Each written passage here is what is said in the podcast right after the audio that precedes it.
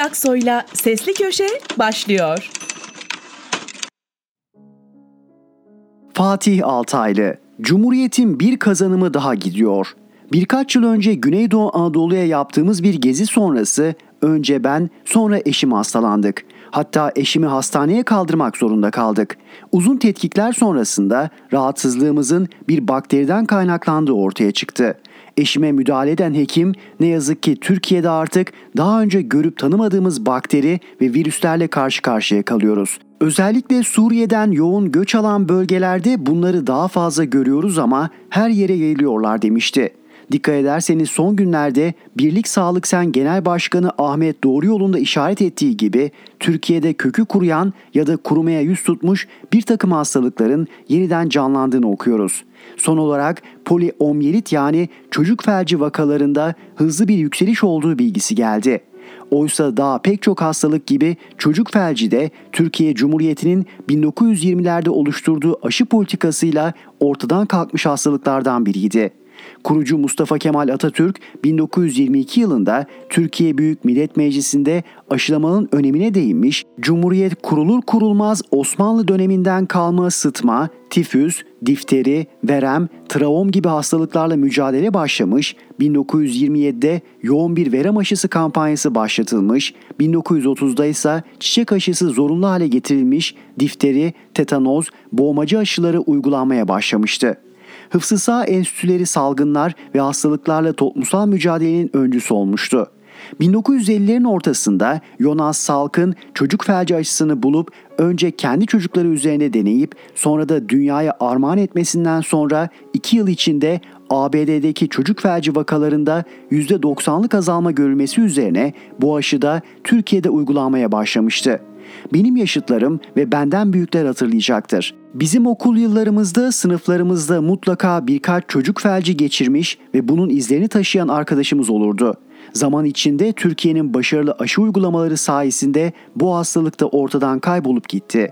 Şimdi yeni Türkiye iddiasındakilerin göç uygulamaları sayesinde çocuklarımızı hedef alan bu hastalık da ortladı. Suriye ve Afganistan başta olmak üzere pek çoğu çok geri kalmış ülkelerden gelen göçmenler Cumhuriyet'in yok ettiği bu hastalıkları Türkiye'ye yeniden getiriyorlar. Böylelikle Cumhuriyet'in kazanımlarından birini daha üstelik de çocuklarımızın sağlığını ve geleceğini tehdit edecek bir biçimde kaybediyoruz. Zaten zannederim göç politikasının amacı da buydu. Uygulayanlara hayırlı olsun. Barkin'in açıklaması neye delalet? Osman Kavala'nın haksız ve hukuksuz bir biçimde uzun süredir tutuklu kalmasının sürekli değişen ve yenilenen gerekçelerinden biri de CIA ile bağlantılı olduğu bilinen Amerikalı ama aynı zamanda Türk vatandaşı akademisyen ve Orta Doğu uzmanı Henry Barkey ile Karaköy'de buluşmasıydı. Bu buluşma iddiasıyla Kavala 15 Temmuz darbe girişimine bağlanmaya çalışılıyordu. Kavala ise ısrarla Henry Barkey ile buluşmadığını söylüyordu. Henry Barkey 6 yıl boyunca bu konuda tek bir açıklama yapmadı. Ne buluştum dedi ne buluşmadım. Ve 6 yıl sonra her nedendir bilinmez ağzını açtı ve o akşam Osman Kavala ile buluşmadım dedi. Dahası kiminle buluştuğunu da açıkladı. Aslı Aydın Taşbaş'la. Aslı son yıllarda giderek artan muhalif tavrıyla göze çarpıyordu. ABD'de de ciddi bağlantıları vardı. Ülkenin önemli gazetelerinde görüşleri, makaleleri yayınlanıyordu. New York Times gazetesi yıllardır Aslı Aydın Taşbaş'ın görüşlerine ve yazılarına yer verirdi. Barkin'in 6 yıllık Omerta sonrası Aydın Taşbaş'ı satması bu açıdan ilginç. Aslı Aydın Taşbaş ise zamanlamayı ve açıklamayı manidar bulduğunu söylüyor. Haklı. Bence de fazlasıyla manidar ve bana göre ABD'nin Türkiye politikası ile ilgili bir değişimin ya da ABD'nin Türkiye'deki iktidara bakışında bir farklılaşmanın habercisi.'' Büyük ihtimalle seçime doğru gidilirken iktidarın elini rahatlatacak bir yol açmaya çalışıyor. Yeni bir zemin yaratılıyor. Tabi her zaman söylediğim bir şeyi bir kez daha tekrar etmekte fayda var. Gazeteci yaptığı her türlü görüşmeyi içeriği yazılmamak koşuluyla yapılmış bile olsa kamuoyuyla paylaşmak zorunda. Paylaşmadığınız zaman böyle sıkıntılı durumlar oluşabiliyor. Aslı Aydın Taşbaş Barkin'in açıklamasını manidar buluyor.'' Ama kendisinin bu konuyu bunca yıl açıklamamış olması, Kavala davası bu kadar gündemdeyken yahu o kaynak Barki ile yemek yiyen bendim dememiş olması da bir o kadar manidar. Bunu en başından söylemiş olsa bugün bu manidar zamanlama ve açıklamayla karşı karşıya kalmayacaktı. Şimdi bunu okuyunca kızacaktır ama elini vicdanına koy ve söyle. Haksız mıyım Aslı? Her şey trolleşecek mi? Aslında çoktan olması gerekiyordu ama sonunda Cemal Engin Yurt'a nasip oldu. Stüdyoda bu kez harbiden kavga çıktı. Bir gazeteci bir milletvekilinin yanında gelen ve mafyatik olduğu iddia edilen bir şahıs tarafından tartaklandı. Bana defalarca ağır hakaretler etmiş, mahkemelik olduğum, hakaretlerinden ötürü tazminata mahkum ettirdiğim Cemal Engin Yurt'u savunacak halim yok. Yok da düşmanıma bile olsa haksızlık haksızlıktır. Şimdi iktidar yanlısı medya ve troller Cemal Engin Yurt'a kıyasaya saldırıyorlar. Geçmişte Engin Yurt onların ittifakının bir üyesiyken ve yine aynı tavırlarla bu kez muhalefete saydırırken aynı iktidar yanlıları Engin Yurt'u pek seviyor, yere göğe koyamıyorlardı. Engin Yurt'un bizlere ettiği hakaretlerden pek memnun, pek hoşnut görünüyor, bu hakaretleri haber babında tekrarlamaya bayılıyorlardı.'' Şimdi ise Engin Yurt Cumhur İttifakı'ndan ayrılıp kendince muhalif konuma geçince hedef oldu. Hele bir de yanındaki şahıslar iktidar yanlısı bir gazeteciye saldırınca iyiden iyiye tefe konuldu. Ey çocuklar Cemal aynı Cemal, tavır aynı tavır. Ne oldu da dün baş tacınızken bugün terbiyesiz diyorsunuz. Hadi bunlar iktidar trolleri. Ya yargıya ne demeli? Dün aynı anda bir hekime kesici aletle saldıran bir kişiyle iktidara yakın gazeteci Latif Şimşek'e saldıran kişi neredeyse eş zamanlı olarak yargı önüne çıktı. Doktora kesici aletle saldırıp yaralayan serbest bırakıldı. Latif Şimşek'e yumrukla saldıransa tutuklandı. Kadınlara saldıranlar tutuksuz, hekimlere saldıranlar tutuksuz, muhalif gazeteciye saldıranlar tutuksuz. İktidar yanlısı gazeteciye saldıranlarsa tutuklu. Acaba Cemal Engin Yurt hala iktidarı savunuyor olsa ve yine böyle bir olay gerçekleşmiş, muhalif bir gazeteci tartaklanmış olsa yine aynı karar mı alınacaktı? Gazeteciye yapılan saldırıyı küçümsüyor ya da onaylıyor değilim. Sakın yanlış anlamayın. Ama bu adaletsizliği de onaylamıyorum. Hadi trolleri anlıyorum, iktidardan besleniyorlar. Kabulü çaresizlik gösterir. Bir eski subay var, oradan oraya savrulan. CHP'de başladı girdi meclise. Ardından Memleket Partisi'ne geçti. Sonra oradan da ayrıldı. İddia o ki şimdi de AK Parti'ye gidecekmiş. AK Parti'nin bu kişiyi kabul etmesi, saflarını alması iktidar partisi açısından büyük bir zafiyet göstergesi olacaktır. Böyle bir tipe kapı açıp buyur etmek, çaresizliğin itirafı, kaybetmişliğin göstergesi, ilkesizliğin ayyuka çıkması olur. Ne zaman insan oluruz? ÖSYM hırsızlığının mucitleri ekran ekran dolaştırılıp bu hırsızlık ilk kez olmuş gibi ağırlanmadığı zaman. Fatih Altaylı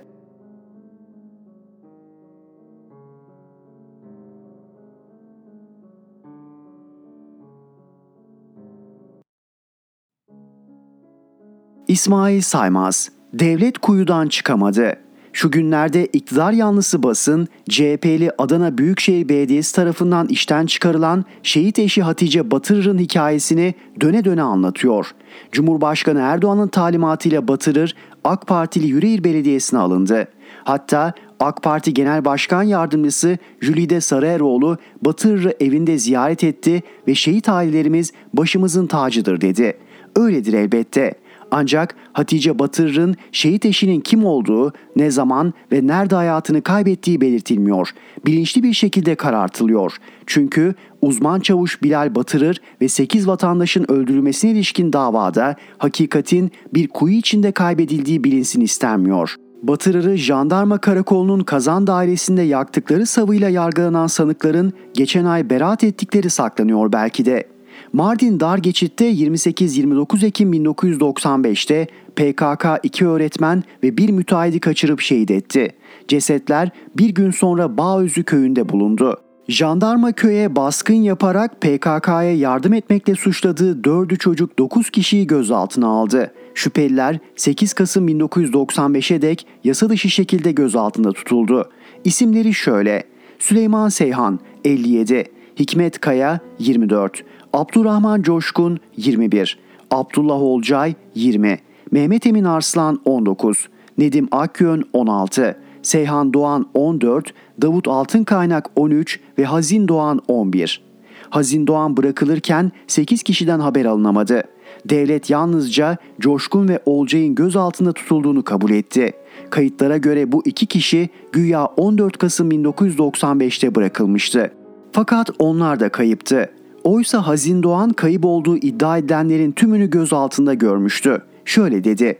Bizi tabura götürdüler. Gözlerimiz kapalıydı ve karanlıktı. Bağıranların sesi geliyordu. Abim Seyhan Filistin askısındaydı. Gözümü açtılar. Yanında Abdullah Olcay vardı. Ablamın eşidir. Abdurrahman Coşkun akrabamdır. Mehmet Emin Aslan dayımın oğludur. Onun da sesini duydum. Süleyman Seyhan'la bir gece çırılçıplak soyup götürdükleri tuvalette aynı yerdeydik. Süleyman'ı dövüyorlardı. İşkence görmüştüm. 6 ay sonra 6 Mart 1996'da Süleyman Seyhan'ın cesedi bir kuyuda elleri arkadan bağlı, kafası koparılmış ve yanmış şekilde bulundu. Dar geçit katliamı kayıpların PKK'ya katıldığı gerekçesiyle kapatıldı ve yeniden açılması 14 yıl sonra oldu. Dar geçitliler 2009'da başvurdu. Yapılan araştırmada Seyhan'ın yanmış cesedinin kuyuda bulunmasından iki gün sonra Dargeçit Jandarma Komutanlığı'nda görevli olan uzman çavuş Bilal Batırır'ın kaybolduğu belirlendi. Eşi Hatice'nin 21 Mayıs 1996'da verdiği suç duyurusuna ulaşıldı. Batırır, eşinin 8 Mart 1996'da evden çıkıp dönmediğini, jandarma komutanı Mehmet Tiren'in kendisine gerekli yerlere baktık, çocuklarını al, babanın evine dön dediğini ileri sürdü. Batırır kaybolmadan önce eşinin iki öğretmenin kaçırılmasına karıştıkları için bir grup trenin emriyle alındı. Öldürülüp boş kuyulara atıldı dediğini söyledi. İddiaya göre Batırır Süleyman Seyhan'ın cesedinin yerini ailesine haber verdiği için Tire ve Komando Tabur Komutanı Hurşit İlmen'in emri üzerine kazan dairesinde yakılarak öldürülmüştü. Dar geçit soruşturması ailelerin çabaları ve tanıklıkları ile ilerledi. İlkin 22 Şubat 2012'de Bağözü köyündeki kuyuda kemikler çıktı. Kemiklerin Mehmet Emin Aslan ve Seyhan Doğan'a ait olduğu saptandı. Silahla öldürülmüşlerdi. Ayrıca 12 Haziran 2013'te Kızıltepe Aysun köyündeki su kuyusunda 3 kişiye ait kemikler bulundu. Birinin Abdurrahman Coşkun olduğu anlaşıldı. Son olarak 2015'te Dargeçit'in Dilan köyündeki kuyuda Davut Altınkaynak ve Nedim Akgün'ün kemiklerine ulaşıldı. Bir Hikmet Kaya'nın izi bulunamadı, bir de uzman çavuş Batırır'ın. Aralarında Tire ve İlmen'in bulunduğu 18 sanığa öldürme suçundan dava açıldı. Yargılama Adıyaman 1. Ağır Ceza Mahkemesi'nde görüldü. İlmen, gözaltı ve sorgu görevinin olmadığını, 8 kişinin kaybedilmesinde sorumluluğunun bulunmadığını savundu. Batırır'ın kaybolduğu tarihte Diyarbakır'da olduğunu ileri sürdü. Tire, olay tarihinde yaralandığı için şehir dışında olduğunu anlattı. Dargeçit jandarmasında 2008 öncesine ait nezarethane kayıtlarının olmadığı bildirildi. Dava 4 Temmuz 2022'de bitti. Sanıklar beraat etti. Gerekçeli kararda tanık beyanlarının çelişkili olduğu, bir kısmının duyuma dayandığı, maktulleri sanıkların öldürdüğüne dair görgülerinin bulunmadığı, 5 kişi için gözaltı kaydı olmadığı, fiilen gözaltına alındıklarının kabulü halinde dahi öldürme eylemlerinin kim tarafından gerçekleştirdiğine ilişkin delillerin bulunmadığı, Batırır'ın kazana atılarak yakıldığına ilişkin iddialar bulunsa da ortada cesedin olmadığı ifade edildi. Kararda şöyle devam edildi suçları işlediklerini tereddütsüz ortaya koyabilecek nitelikte kuşkudan arınmış, inandırıcı delil elde edilemediği. Dar geçit şüpheden sanıklar yararlanır diye kapatılırken emekli askerler ve kuruculardan oluşan sanıkların beraati kuyudaki karanlığı koyultuyor. 8 vatandaşımızı kimler gözaltına aldı? Birini yakarak, beşini vurarak öldürüp cesetlerini kuyulara atanlar hangi güçlerdi? Hikmet Kaya'nın cesedi nerede? Devlet ne diye uzman çavuş Batırır'ın akıbetiyle ilgilenmiyor. Cumhurbaşkanı Erdoğan şehidin eşine iş bulunması için talimatı veriyor da neden şehidin davası için kılını kıpırdatmıyor? Hatice Batırır'a sırf CHP'yi şehit düşmanı göstermek için medya şovlarıyla iş bulmak kolay. Şehide bir mezar ve adalet bulmak meğer ne zormuş. Kuyuyu aydınlatmak, kuyunun derinliklerindeki çamuru çıkarmak devletin asli görevi.'' Böyle olduğu halde iktidar 1990'lı yıllarda yargısız infaza kurban giden 8 vatandaş ve bir askerin atıldığı kuyuda battı ve dışarıya çıkamıyor. Kuyunun karanlığı ve zeminde biriken çamur Türkiye'yi de içine çekiyor. Bozkurt selinde DSİ'cilere soruşturma izni yok. Kastamonu'nun Bozkurt ilçesinde 11 Ağustos 2021'deki sel felaketinde Ölçer Apartmanı göçmüş, 65 insan hayatını kaybetmiş, 8'i kaybolmuştu. Tam 20 kişiye mezar olan Ölçer Apartmanı davasında müteahhit dahil 4 sanık tutuksuz yargılanıyor. Başka bir yargılama bulunmuyor. Kastamonu Valiliği devlet su işlerinde görev yapan 7 çalışan hakkında soruşturma izni vermedi. Kararda imar çalışmalarında mevzuata uygun hareket edilmediği savunularak şöyle denildi.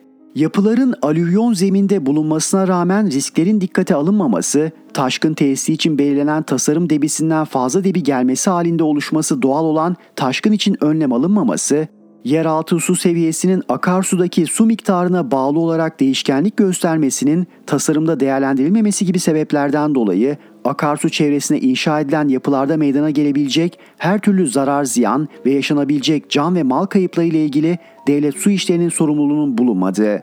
İsmail Saymaz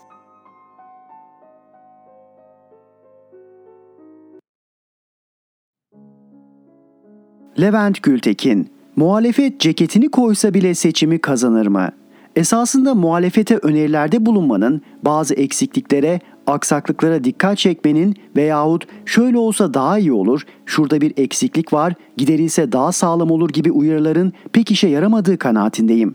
Böyle düşünüyorum çünkü hem muhalefet partileri hem de muhalif kamuoyunun bir kısmı seçimleri çantada keklik görüyor ve bu tür uyarı ve önerileri pişmiş aşağı su katmak olarak değerlendirip umut kırıcı buluyor. Böyle olduğu halde yazarlar, gazeteciler olarak yine de yazmaktan, söylemekten vazgeçmiyoruz. Vazgeçmiyoruz çünkü söylenmesi gerekeni söylemedim, aksaklıklara, eksikliklere dikkat çekmedim pişmanlığını yaşamak istemiyor, bir anlamda ülkeye yönelik sorumluluğumuzu yerine getirmeye çalışıyoruz. Doğrusu ülkenin içinde bulunduğu bu durumda mevcut iktidarın normal şartlarda seçimleri kazanması bana da bir hayli zor görünüyor. Ama bu durum seçimlerin muhalefet açısından çantada keklik olduğu anlamına da gelmiyor. Kamuoyu araştırmalarındaki bazı veriler bunun işaretini veriyor. Bu verilere geçmeden önce bir konuya dikkatinizi çekmek istiyorum. Muhalefet bütün umudunu ekonomideki yıkıma bağlamış durumda. Yani ekonomideki yıkımın mevcut iktidarı indirmeye yeteceği rahatlığıyla hareket ediyorlar. Böyle hareket ettikleri için tartışmalı konuları netleştirme çabasına girmiyor, aday belirlerken kazanabilecek aday yerine hak ettiğini düşündükleri isimlere yöneliyorlar. Ama en önemlisi parçalı muhalefet yapısını ortak bir dil, ortak bir program, ortak bir söylem çerçevesinde bütünleştirme çabasına girmiyorlar.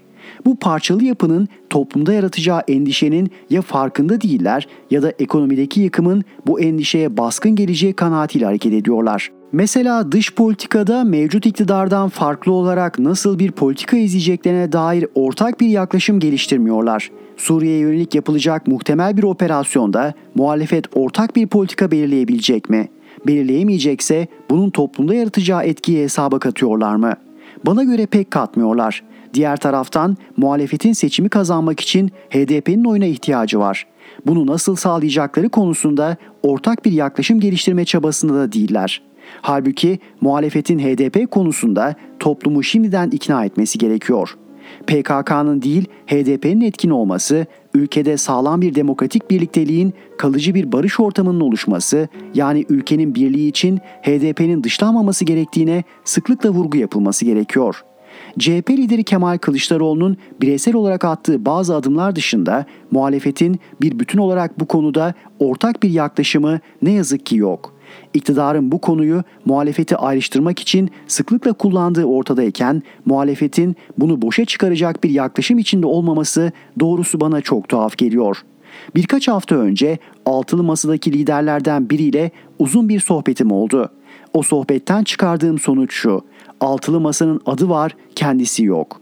Çünkü edindiğim izlenime göre ortak bir politika, ortak bir söylem, ortak bir yönetim anlayışı konularında en küçük bir çaba içerisinde değiller.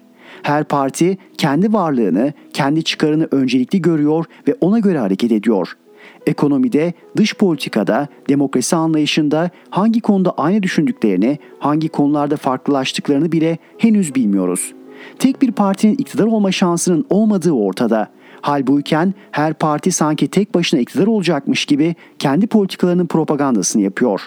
Halbuki ortak bir aday çıkarılacaksa ortak bir söyleme ihtiyaç var. En temel bazı konularda sağlam bir fikir ve dil birlikteliğine ihtiyaç var.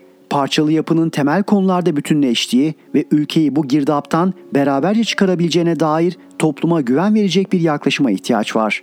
Fakat bütün bunlar çok tuhaf ve anlaşılmaz bir şekilde göz ardı ediliyor. Dediğim gibi muhalefet bütün umudunu ekonomideki yıkıma bağlamış, bu nedenle de farklı konulardaki eksikliklere kafa yorma ihtiyacı duymuyor. Ekonomideki yıkıma bağlanan umudun yeterli olmadığı ve kendi içinde muhalefet açısından ciddi bir risk barındırdığı kanaatindeyim. Çünkü iktidarın seçim sürecinde yapacağı bir hamleyle ekonomide yaratacağı geçici rahatlamanın muhalefetin elindeki bu kozu da işlevsiz hale getireceğini düşünüyorum. Erdoğan'ın seçim sürecinde bulacağı bir kaynakla yaratacağı geçici rahatlamanın toplumdaki etkisi hesaba katılıyor mu? Bana göre pek katılmıyor. Yukarıda da söylediğim gibi bazı araştırma verileri bize gösteriyor ki seçimler muhalefet açısından öyle sanıldığı gibi çantada keklik değil. Dahası hem iktidarla muhalefetin oy oranları arasında ciddi bir fark yok hem de kayda değer bir kararsız seçmen var. Ülkedeki bunca yıkıma rağmen %20 civarında büyük bir seçmen grubu hala niçin kararsız sorusu üzerine kafa yormak gerekmiyor mu? İşin tuhaf tarafı muhalefet buna da pek kafa yormuyor. Metropol Araştırma Şirketi'nin Temmuz anketinde dikkat çeken bir veri var. Kararsız seçmenlere muhalefetin adayını beğenmediğiniz durumda nasıl davranırsınız diye sorulmuş. Kararsız seçmenlerin yaklaşık %18'i sandığa gitmem cevabını verirken yaklaşık %17'si ise Erdoğan'a oy veririm demiş. Millet İttifakı ile Cumhur İttifakı arasındaki oy farkının birkaç puan olduğu ortadayken seçmendeki bugüne kadar giderilemeyen bu kararsızlığın en çok da muhalefet için risk barındırdığını görmek gerekiyor. 2015'teki seçimlerde neler olduğunu yaşayarak gördük. İktidar Haziran'da %35 civarında oy almıştı. Fakat muhalefetin güçlü bir birliktelik kuramaması ve iktidarın yarattığı korku ortamının etkisiyle 3 ay sonraki seçimde iktidarın oyu yaklaşık %15 artmış, AK Parti yeniden iktidar olmuştu. Muhalefetin iktidarın toplumu manipüle etme imkanlarının büyük olduğunu, dolayısıyla benzer bir tehlikenin bu seçimde de yaşanabileceğini hesaba katması gerekiyor. Halbuyken muhalefet bütün umudunu ekonomideki yıkıma bağlayarak sağlam bir birliktelik oluşturma ihtiyacını görmezden gelemez, gelmemeli. Ortak bir dil ve politika çabasından kaçınamaz, kaçınmamalı. Ekonomideki yıkım çok büyük, ceketimizi koysak kazanırız anlayışının yarattığı rehavetten bir an önce çıkmalı. Toplumun zihnini meşgul eden tartışmalı konuları sümen altı ederek kararsız seçmeni kendi yanına çekebileceği yanılgısından vazgeçmeli ve şimdiden seçmeni ikna edecek cesaret ve kararlılığı göstermeli. Kararsız seçmenin sandıkta karar vermesini beklemenin yarattığı riski görmezden gelmemeli. Altılı masa gibi bir birliktelik varsa bu birlikteliği basit bir fotoğraf karesi olmaktan çıkarıp söylem ve politika açısından güçlü bir birlikteliğe dönüştürmeli ve bu birlikteliğin ülkeyi yönetebileceği güvenini ortak mitinglerle topluma şimdiden vermeli. Bir taraftan altılı masa deyip bir birliktelikten bahsetmek, diğer taraftan da bu birlikteliği ete kemiğe büründürecek yaklaşımlardan özenle kaçınmak anlaşılır bir durum değil.'' Umarım muhalefet, muhalefetteki bu parçalı halin toplumda yaratacağı endişenin farkına varır ve gerekli adımları atar. Aksi durumda neyle karşı karşıya kalacağımızın sanırım hepimiz farkındayız. Levent Gültekin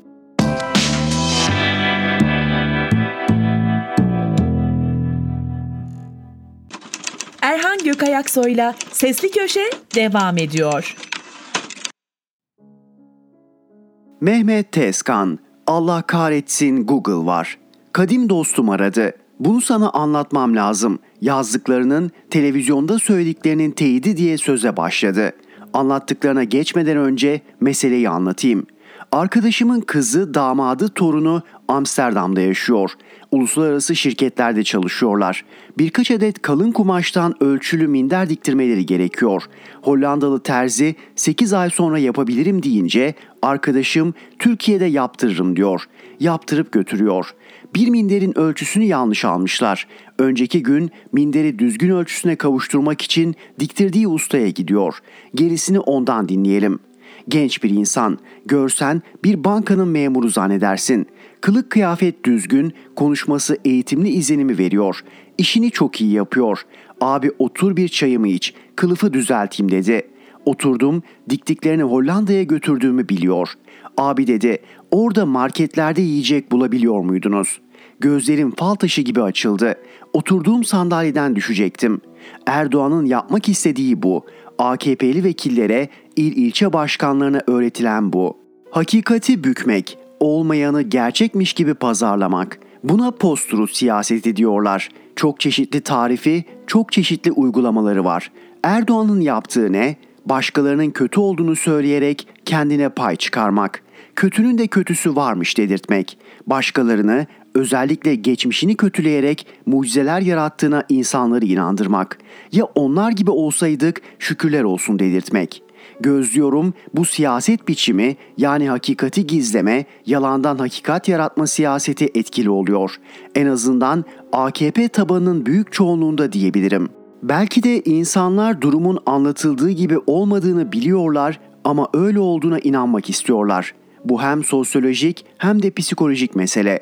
Erdoğan her fırsatta Avrupa enflasyon altında eziliyor. 40 yılın en yüksek enflasyonunu yaşıyorlar. Gıdada büyük sıkıntıları var. Raflar boş diye bağırıyor. Demek ki etkili oluyor. Erdoğan geçen gün bizden önce bu ülke toplu yine üretemiyordu diye bağırdı. Sanayileşme trenini kaçıran Osmanlı'yı kastettiğini zannettim. Meğer öyle değilmiş bizden önce ambulans yoktu söyleminin benzeriymiş. Diyorlar ki bir eğitimsiz tabanını etkilemek istiyor. 2. Genç seçmeni geçmişi kötüleyerek yanına almaya çalışıyor. 6,5 milyon ilk kez oy kullanacak seçmen var. İkinci kez kullanacaklarla 2018 yılında oy verenlerle bu sayı 10 milyonu aşıyor. AKP öncesini bilmeyen 35 yaş altını da eklersen sayı hayli kabarık. Politikası bu iki temel üzerine kurulu. Birinciyi bilmem ama ikinci şıkta zorlanacak. Çünkü Allah kahretsin Google var. Gençlerin elinde oyuncak ne sorarsan söylüyor. Ama Erdoğan'ın hakikate eğip bükmekten, gerçekmiş gibi pazarlamaktan başka şansı yok. Ya tutarsa? Mehmet Tezkan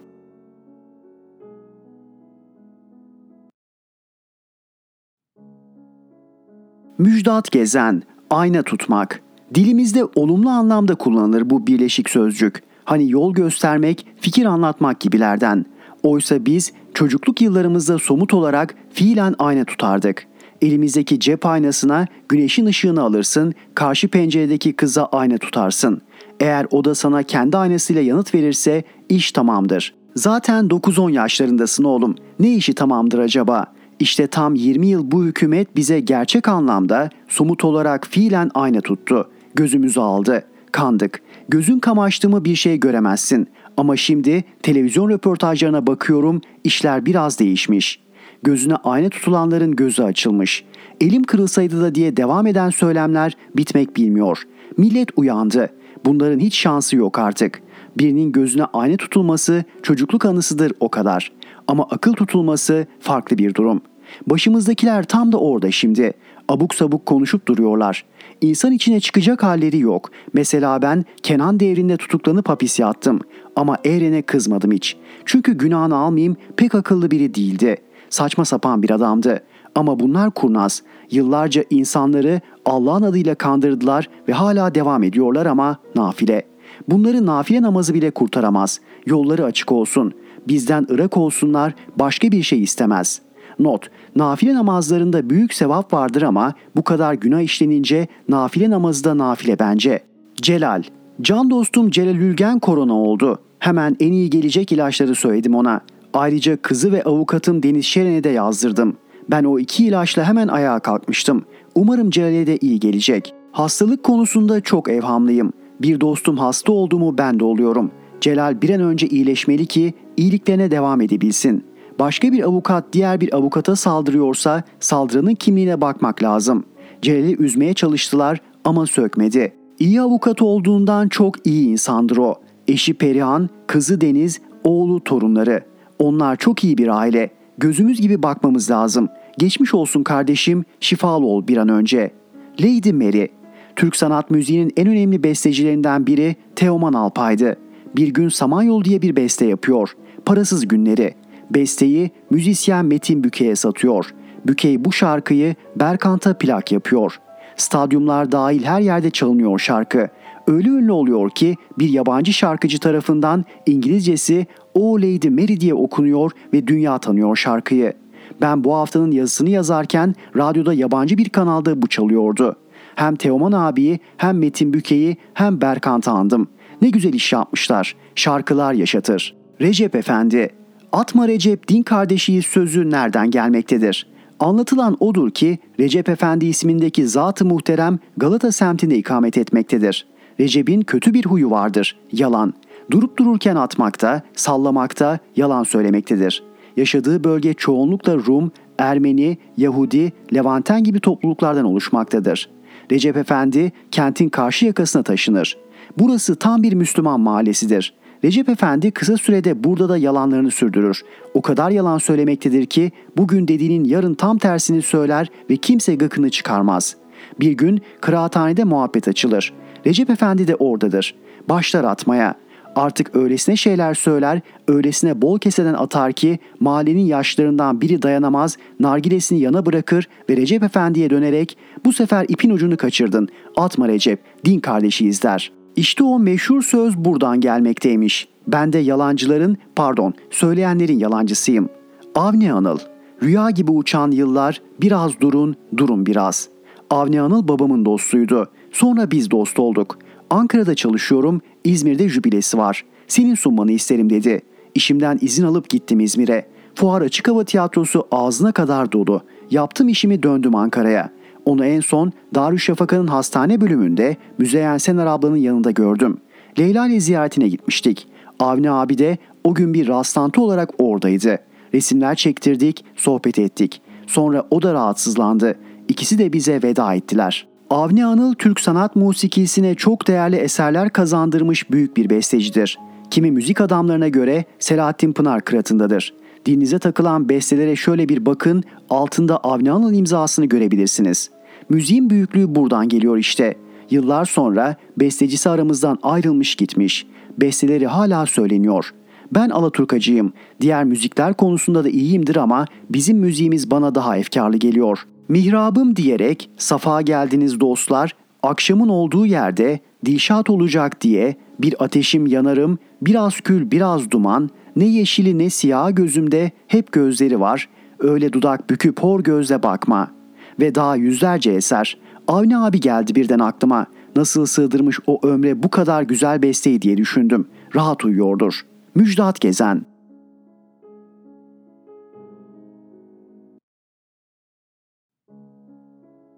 Orhan Uğuroğlu Teğmenlere hakaret edilmesin. Siyaset tarihi fırıldak diye adlandırılan siyasetçileri gördü. Ben de bürüt 53 yıldır siyasileri izler dururum. Parti değiştirme konusuna gelelim.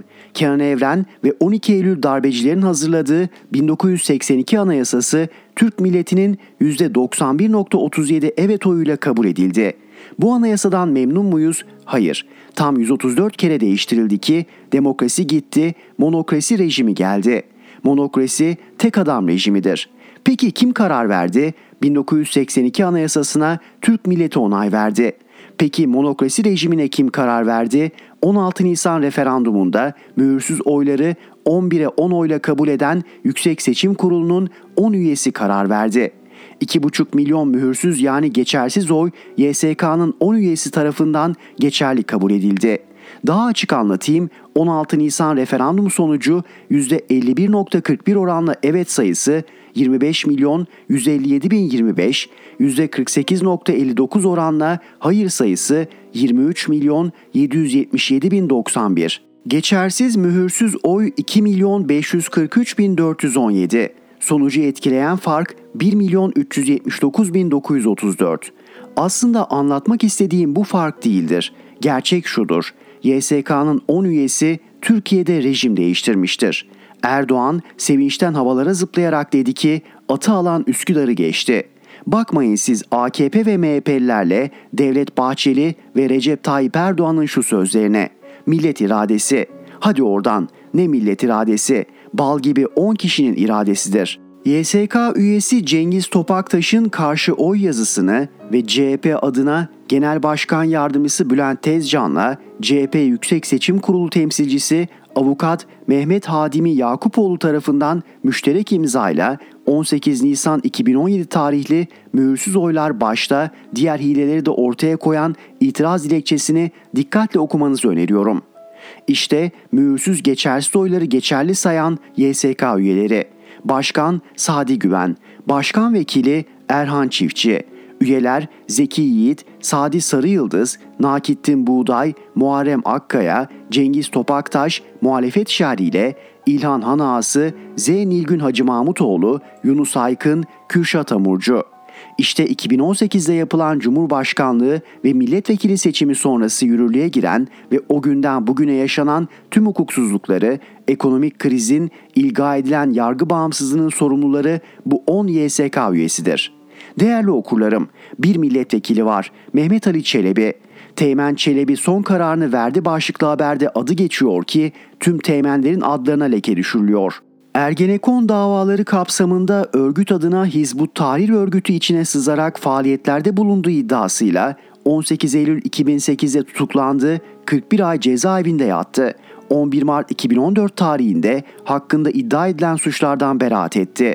CHP lideri Kemal Kılıçdaroğlu 35 ve 36. kurultaylarında parti meclisine aldı. 2018 genel seçimlerinde İzmir'den CHP milletvekili seçildi.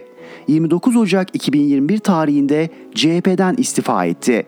17 Mayıs 2021 tarihinde Muharrem İnce tarafından kurulan Memleket Partisi'ne katıldı. 25 Şubat 2022 tarihinde Memleket Partisi'nden istifa etti. AKP'ye katıldı. Değerli okurlarım, parti değiştirmeye yeni parti kurulmasına ilkeli olması durumunda ve rant için olmadığı takdirde karşı değilim. Ancak bu Çelebi'nin durumu farklı.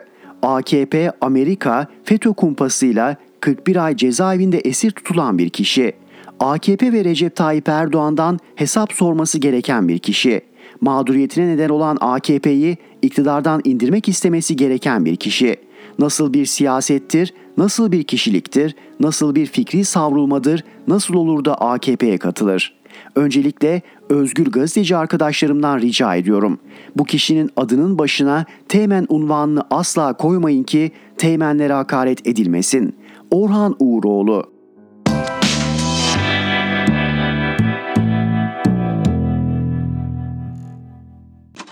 Erhan Gökayaksoy'la Sesli Köşe devam ediyor.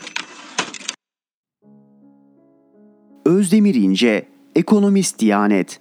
Diyanet İşleri Başkanlığı'nın dini konulardaki en yüksek karar ve danışma organı olan Din İşleri Yüksek Kurulu'nun fiyat artışlarının yaşandığı günümüzde ticarette kar haddi var mı sorusuna verdiği yanıtta fiyatları tayin eden, darlık ve bolluk veren Allah'tır hadisinin kaynak gösterilmesi eleştiri konusu oldu.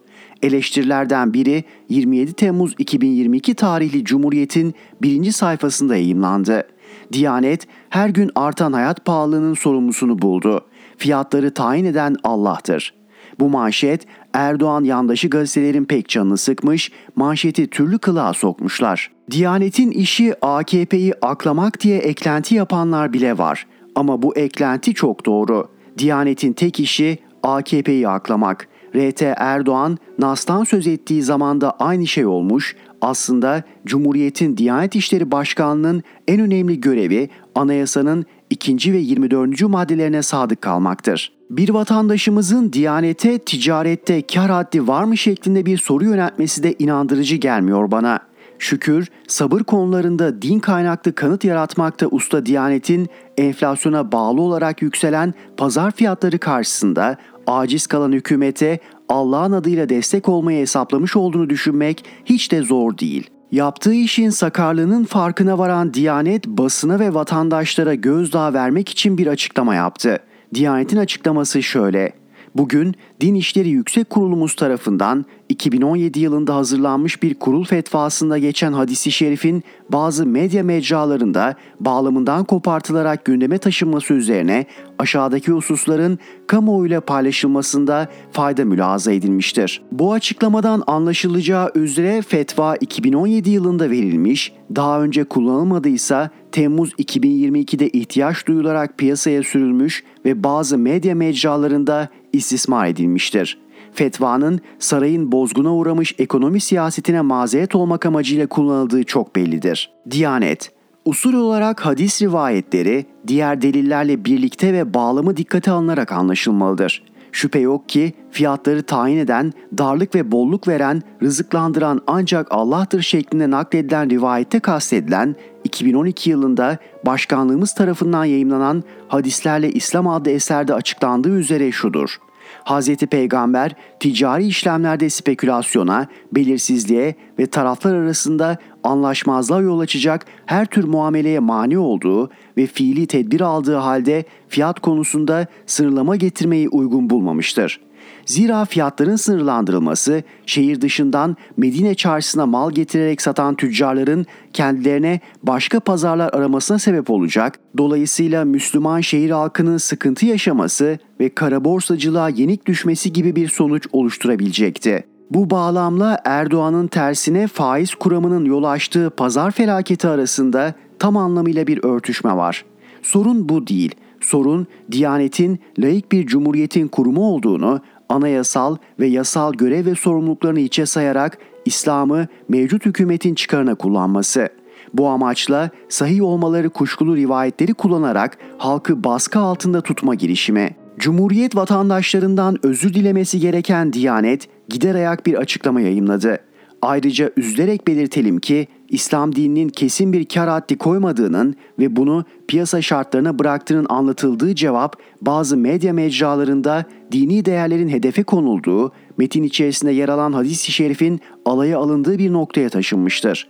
Yüce dinimiz İslam'ın ilkelerinin bilgisizce alaya alınması en hafif tabirle saygısızlıktır. İslam'a bir saygısızlık söz konusuysa bunun öznesi faili bizzat diyanettir. Özdemir İnce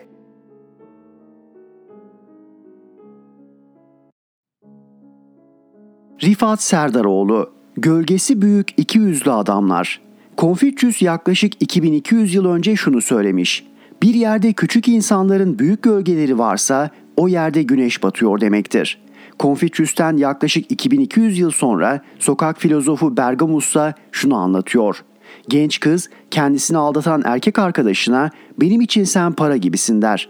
Erkek yani bana çok mu değer veriyorsun? Kız hayır 200'lü olduğunu söylüyorum. 2200 sene arayla söylenmiş bu iki söz aynı kapıya çıkar. Her devirde kendi küçük ama gölgesi büyük 200'lü insanlar olmuştur. Olmaya da devam edecektir. Onları tanıyıp hak ettikleri şekilde davranmak da düzgün, namuslu ve doğru insanların işidir. Bundan çekinir, görmezden gelir aman bana ne derseniz bu omurgasız tiplerin çoğalmasına sebep olursunuz.'' hırsıza hırsız, yalancıya yalancı, haine de hain demekten geri durmayacaksınız. Unutulmamalıdır ki bu tipler farelerden daha çabuk ve daha çok ürerler. Ama gerçekler yüzlerine haykırılınca da aynı hızla yok olurlar. Hala dün gibi hatırımdadır. 9. Cumhurbaşkanı Demirel'in 17 Haziran 2015'te vefatı sebebiyle Ankara'da ve Isparta İslamköy'deki törenlerde bu tiplerden mebzul miktarda görmüştüm.'' Demirel'e en büyük kötülüğü yapanlar, gırtlaklarında hala Demirel'in ekmeği durduğu halde ona ihanet edenler, Demirel'den nefret edenler, Demirel sayesinde var olup arkasından kuyusunu kazanlar, ağız birliği etmişçesine Demirel'i övme yarışına girmişlerdi. Havucu gören sıpalar gibi her biri bir televizyon mikrofonuna yapışmış, yalan yanlış şeyler anlatıp utanmadan kendi reklamlarını yapıyorlardı. Sırayla anlatalım. AKP yöneticileri Bunlar rahmetli Demirel'i günahları kadar sevmezler. Demirel bunların gerçek yüzlerini net olarak bilirdi. Sırf Demirel olan kinleri sebebiyle kardeşinin tüm malına kanunsuz olarak el koymuşlardı. Mahkeme kararıyla bu malları geri vermek zorunda kaldılar. Bademlerin yüzlerine üzgünlük maskesi takıp Demirel'i met etme yarışına girmeleri tam ibretlik bir durumdu. Rahmetli Erbakan'ın yardımcısı Erdoğan'ın ablası ve ekonomi danışmanı Tansu Çiller yüzünden büyük gözlükleri ve ak giysileriyle Türkiye Büyük Millet Meclisi'ndeki törene katılması ilginçti. Acemiliği ve bilgisizliği sebebiyle Türkiye'yi neredeyse İran'la bir savaşa sürükleyecek bu kişi için rahmetli Demirel'in alın bu kadını buradan yoksa ben pencereden atacağım deyişini hatırladım. Sağlığında Demirel'in yanına gelemeyecek olan bu kişi şimdi orada görüntü vermekten utanmıyordu. Köksal Top'tan bu kişi tüm siyasi hayatını Demirel'e borçlu olduğu halde Demirel'e en büyük üzüntüyü yaşatanlardan biridir. AKP'nin tüm icraatlarından sorumludur. 28 Mayıs 2019 tarihinde Cumhurbaşkanlığı kararnamesiyle Yüksek İstişare Kurulu üyeliğine atanmış, sessizce kendisine danışılmasını beklemektedir. Şimdiye kadar yanına çaycıdan başka gelen olmadı. Süleyman Soylu Sadece kendisi değil Gazi Osman Paşa eski Doğru Yol Partisi ilçe başkanı olan babası Hasan Soylu da siyasette varoluşlarını rahmetli Demirel'e ve onun dostlarına borçludur. Ekmek yediği kaba pislemeyi adet edinmiş ve ayağındaki donu dahi partisine aldırmaktan çekinmeyen bu kişi AKP'ye geçince her fırsatta Demirel'e hakaret etmiştir. İslamköy'de Demirel'in naaşı önünde Bülent Arınç'la birlikte sap gibi durması hala gözlerimin önündedir.'' Değerli okurlar, siyasette herkesle iyi geçinmek diye bir yol yoktur. Herkesle dost olmaya kalkarsanız hiç gerçek dostunuz olmaz. Olsa olsa iyi gün dostunuz olur. Her partinin programı ayrıdır. Çok sessizlikte demokrasi gereğidir. Önemli olan medeni insanlar gibi tartışmayı bilmek, doğruları rakibinizin yüzüne karşı söyleyebilmek ve karşınızdakine düşüncesinden dolayı saygı duyabilmektir. Bu kültürü siyasi yaşamımıza yerleştirmek zorundayız. O zaman iyi paranın kötü parayı kovduğu gibi bu kokuşmuş anlayışlar da ayıklanmış olacaktır. Bu görev hepimize düşmektedir. Kim özü sözü doğru olarak Türk milletine hizmet eder, milletin hayrına işler yaparsa onu alkışlamalı, yüreklendirmeli ve sahip çıkmalıyız. Kim bozuk para gibi iki yüzlüyse de onlardan yüz çevirmeliyiz. Hiçbir şey yapamazsak gördüğümüzde selam vermemeliyiz. Çok şey mi istiyoruz? Hiçbir şey yapamıyorsanız arada bir bunların yüzlerine ayna tutun. Ben yazıda bunu yaptım. Keşke doğru olsa. Kılıçdaroğlu Ruhat Mengi ile yaptığı söyleşide vatandaşlar rahat olsun. Seçim güvenliği konusunda endişeye gerek yok. Elimizdeki veriler Yüksek Seçim Kurulu'nun bile elinde yok. Seçmen yapılan sığmacı sayısı öyle 400-500 bin değil. Onu da takip ediyoruz. Bir problem olursa kamuoyuyla paylaşırız dedi. Kemal Bey'in söyledikleri keşke doğru olsa. Kemal Bey'i artık tanımakta zorluk çekiyoruz. Nasıl 15 Temmuz kontrollü darbesini Yeni Kapı mitingine katılıp konuşma yaparak meşrulaştırdıysa önümüzdeki seçimi şimdiden meşrulaştırma yoluna girdi. YSK'nın elinde olmayan bilgiler bizim elimizde var dedi. Neymiş o CHP'de olup da YSK'nın elinde olmayan belgeler? Bir tanesini olsun açıklar mısınız?'' Doğru Parti'nin henüz sonuçlandırmadığı bir çalışmada son 15 yılın doğum ve ölüm oranlarını karşılaştırdık. Ham bilgilere göre son 2 yılda Türkiye nüfusu 1 milyon 200 bin fazla görünüyor. Süleyman Soylu gibi kriminal birinin İçişleri Bakanlığı'nda, Nüfus Vatandaşlık İşleri Genel Müdürlüğü ve Göç İdaresi Başkanlığı'nda yapılan işlerin doğru yapıldığını iddia etmek için insanın ya AKP'li ya da saf olması gerekir. Kemal Bey madem tüm rakamlara hakim kaç sığınmacının seçmen yapıldığını Türk milletine açıklayabilir mi? Bunu açıklamazsa doğru parti olarak yeni bir Ekmelettin olayıyla karşılaşacağımız endişesi taşımaktaki haklılığımız ortaya çıkar. Kemal Bey, Türkiye'yi faşist dikta yönetimine götüren 16 Nisan 2017 referandumu öncesi sandıklarda her türlü güvenlik önlemleri aldık demişti. Yakında açıklanacak bir rapora göre 2017 referandumunda 9400 sandıkta CHP'nin sandık görevlisi yoktu. Hatırlarsanız şu ara adı çokça geçen Mehmet Ali Çelebi CHP milletvekiliydi. Görevli gittiği Şanlıurfa'da CHP görevlilerinin sandıklarda bulunmaması sebebiyle o bölgeyi terk ettiğini basına açıklamıştı. Bu seçim AKP için bir ölüm kalım seçimidir. Seçimi kaybettiği an yargılanacaklarını biliyorlar mafyayı, tarikatları, cemaatleri devlete sokmaktan çekinmeyen, Türk milletinin değerlerini özelleştirme adı altında yandaşlara peşkeş çeken, mülakatlarda milyonlarca gencin haklarını çalan, KPSS sınavını doğru düzgün yapamayan, soruları çaldıran AKP ve saray yönetiminin ülkemizin kader seçiminde her türlü hile yapmayacağını düşünmek ve seçimi şimdiden meşrulaştırmak ancak Abdullah Gül'ün emriyle Ekmelettin'i Cumhurbaşkanı yapıp seçimi Erdoğan'a armağan eden CHP Genel Başkanı Kemal Kılıçdaroğlu'na yakışır. Aziz Türk milleti, biz bu seçimde laikliği savunamayız diyen, laiklik ilkesinin temeline dinamit koyacak Diyanet Akademisi'ne olumlu oy veren CHP yönetimi bu ihaneti de yapabilir mi? İnanmak istemiyorum. Fakat Kemal Bey bu yazıdaki iddialara belgeli olarak yanıt vermezse bilin ki işimiz çok zor. Yarın 2023 yılında yapılacak Cumhurbaşkanlığı seçim mücadelesinin tarihsel olaylarını anlatalım. Her şey daha net görülecektir. İnşallah biz yanılırız. Rifat Serdaroğlu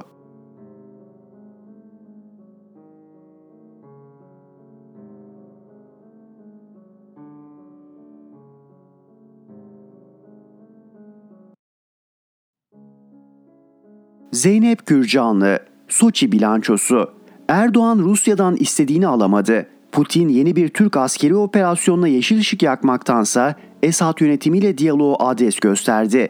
AK Parti hükümeti Erdoğan'ın bir ay içinde Putin'le yaptığı ikinci yüz yüze görüşmeden de umduğunu pek bulamamış görünüyor. Cumhurbaşkanı Erdoğan'ın son Soçi ziyaretinde öne çıkan unsur iki ülke arasındaki ekonomik ilişkiler oldu. AK Parti hükümeti Ukrayna Savaşı sebebiyle beklenmeyecek sertlikte ve netlikte batı yaptırımlarıyla karşı karşıya kalan Putin'in Türkiye üzerinden dünyaya açılma fikrine bayılacağını hesaplıyordu. Bu açıdan Rusya ile ekonomi alanında girilecek işbirliğinin Türkiye'de de ekonomik krizin dağıtılması, hiç olmazsa ötelenmesi için zemin hazırlayacağını umuyordu, pek olmadı. Erdoğan-Putin görüşmesinden çıka çıka sadece Türk bankalarının bazılarının Rus turist ya da iş adamlarının Türkiye'deki para alışverişlerini kolaylaştıracak MIR sistemine uyum sağlaması ve Rusya ile doğalgaz alışverişinin bir kısmının ruble ile yapılması çıktı. Soçi sonrasındaki en dikkat çekici unsur ortak basın toplantısının yapılmaması oldu. Dolayısıyla 4 saatlik görüşmede nelerin görüşüldüğünün detaylarını Cumhurbaşkanı Erdoğan'ın ülkeye dönüşünde seçilmiş bir grup gazeteciyle yaptığı sohbetten çıkarmak pek mümkün olmadı. Putin hiç açıklama yapmazken hükümet kontrollü Rus basınında çıkan görüşmeye ilişkin haberlerde de pek ayrıntı yer almadı. Eğer basın toplantısı yapılsaydı belli ki Suriye konusunda da Akkuyu'da yaşananlar üzerinde de hatta Karabağ'da bile anlaşmazlıklar daha görünür olacak. Özellikle AK Parti hükümetinin Soçi ziyaretinden çıkarmayı umut ettiği kazanım algısı zarar görecekti. Bunun önüne geçildi. Bu kontrollü bilgi aktarımı ortamında Soçi zirvesinden beklentiler ve alınan sonuçları şöyle özetlemek mümkün. Suriye'ye olası Türk askeri operasyonu. Erdoğan Rusya'dan istediğini alamadı. Putin yeni bir Türk askeri operasyonuna yeşil ışık yakmaktansa Esad yönetimiyle diyaloğu adres gösterdi. İşin ilginci Erdoğan da Türkiye dönüşünde kullandığı istihbarat birimlerimiz Esad yönetimiyle görüşüyor ifadesiyle bu diyalog sürecinin daha da gelişebilmesinin önünü açtı. Akkuyu'da Türk İnşaat Şirketi'nin devre dışı kalması. Erdoğan'ın açıklamaları Putin'in bu konuya tavizsiz yaklaştığını gösterdi. Erdoğan yakında bizzat Akkuyu'ya giderek orayı inceleyeceği yönündeki sözleriyle daha çok şikayet eden tarafın Putin olduğunun işaretini verdi. Belli ki Akkuyu'nun inşaat dahil tamamıyla Rus kontrolüne geçmesinin Türk kamuoyunda yarattığı rahatsızlığa rağmen AK Parti hükümeti Moskova'nın şikayetlerini düzeltme yolunu öncelemiş. Ruble ve TL ile alışveriş Batı'nın Ukrayna yaptırımlarına kızan Putin doğalgaz kartını açıp yaptırım uygulayan ülkeleri cezalandırmak üzere ruble ile ödeme şartı getirmişti. Bu durum rublenin diğer para birimlerine göre değerini artırdı. Dolayısıyla Türkiye'nin doğalgaz dahil Rusya ile alışverişleri ruble ile yapma durumu Ankara'nın kazanç hanesine değil daha çok kayıp hanesine yazılmaya aday. Ankara, ulusal para birimleri ticaret konusunu doğalgaz ödemeleri için uzun vadeli hazine tahvillerini kullanmak için de istiyordu. Ancak Putin'den buna yeşil ışık gelmemiş olacak ki AK Parti hükümeti yanlısı basında bu yönde bir başarı haberi yer almadı. Tahıl uzlaşmasının Ukrayna'da barış görüşmelerine yansıması. Erdoğan Soçi'ye Rusya ile Ukrayna'nın o çok beklenen tahıl uzlaşmasını kolaylaştırmış lider olarak gitti. Amaç bu uzlaşmanın Ukrayna'da olası bir ateşkesin temelini oluşturacak yeni bir diyalog kanalı açmaktı. Erdoğan bu amaçla Putin'e Ukrayna lideri Zelenski ile Türkiye'nin kolaylaştırıcılığında bir görüşme yapılmasını da önerdi. Ancak Rus liderin bu öneriyi pek dikkate almadığı yine Erdoğan'ın gezi sonrası açıklamalarından ortaya çıktı. Karabağ meselesi Karabağ'da Azerbaycan'la Ermenistan arasında son dönemdeki söz düelloları, küçük çatışmalar ve saldırılar sorunun yine ısınmaya başladığını gösteriyor. Nitekim Erdoğan da Soçi'ye gitmeden önce Azeri lider Aliyev'le bir ön görüşme yaptığını, bu görüşme çerçevesinde Putin'le masaya oturduğunu bizzat kendisi açıkladı. Ancak belli ki Putin Türkiye'yi Karabağ meselesine sokmaya yanaşmıyor. 2020 yılındaki ateşkes anlaşmasıyla Türkiye dahil tüm Batı ülkelerini devre dışı bırakıp Kafkasya Rusya'nın arka bahçesidir mesajı veren Putin bu tavrını sürdürüyor. Kısacası AK Parti hükümeti Erdoğan'ın bir ay içinde Putin'le yaptığı ikinci yüz yüze görüşmeden de umduğunu pek bulamamış görünüyor. Aksine Erdoğan'ın bir önceki Rusya ziyaretinde Kremlin'de Putin görüşmesi öncesinde heyetiyle birlikte kapıda bekletildiği süreç Rus devlet televizyonu tarafından haber yapılıp Moskova'nın Ankara'ya diplomatik meydan okuması olarak kayıtlara geçmişti. Soçi'deki görüşmede ise Rus diplomatik meydan okuması heyet üzerinden geldi. Çeçen direnişinin bastırılmasındaki rolü nedeniyle Türkiye tarafından hiç haz edilmeyen Kadirov, Soçi'de Rus heyeti üyesi yapılıp AK Parti hükümet yetkililerinin karşısına oturtuldu. Oysa aynı Kadirov geçen yıl Kocaeli'nin AK Partili Körfez Belediyesi tarafından açılan ve Çeçen direnişinin sembolü Dudayev'in ismi verilen park sebebiyle bizzat Cumhurbaşkanı Erdoğan'a hedef alan açıklamalar yapmış hatta tehditler savurmuştu. Ekonomik krizin yarattığı dış politika savrulması da bu olsa gerek. Zeynep Gürcanlı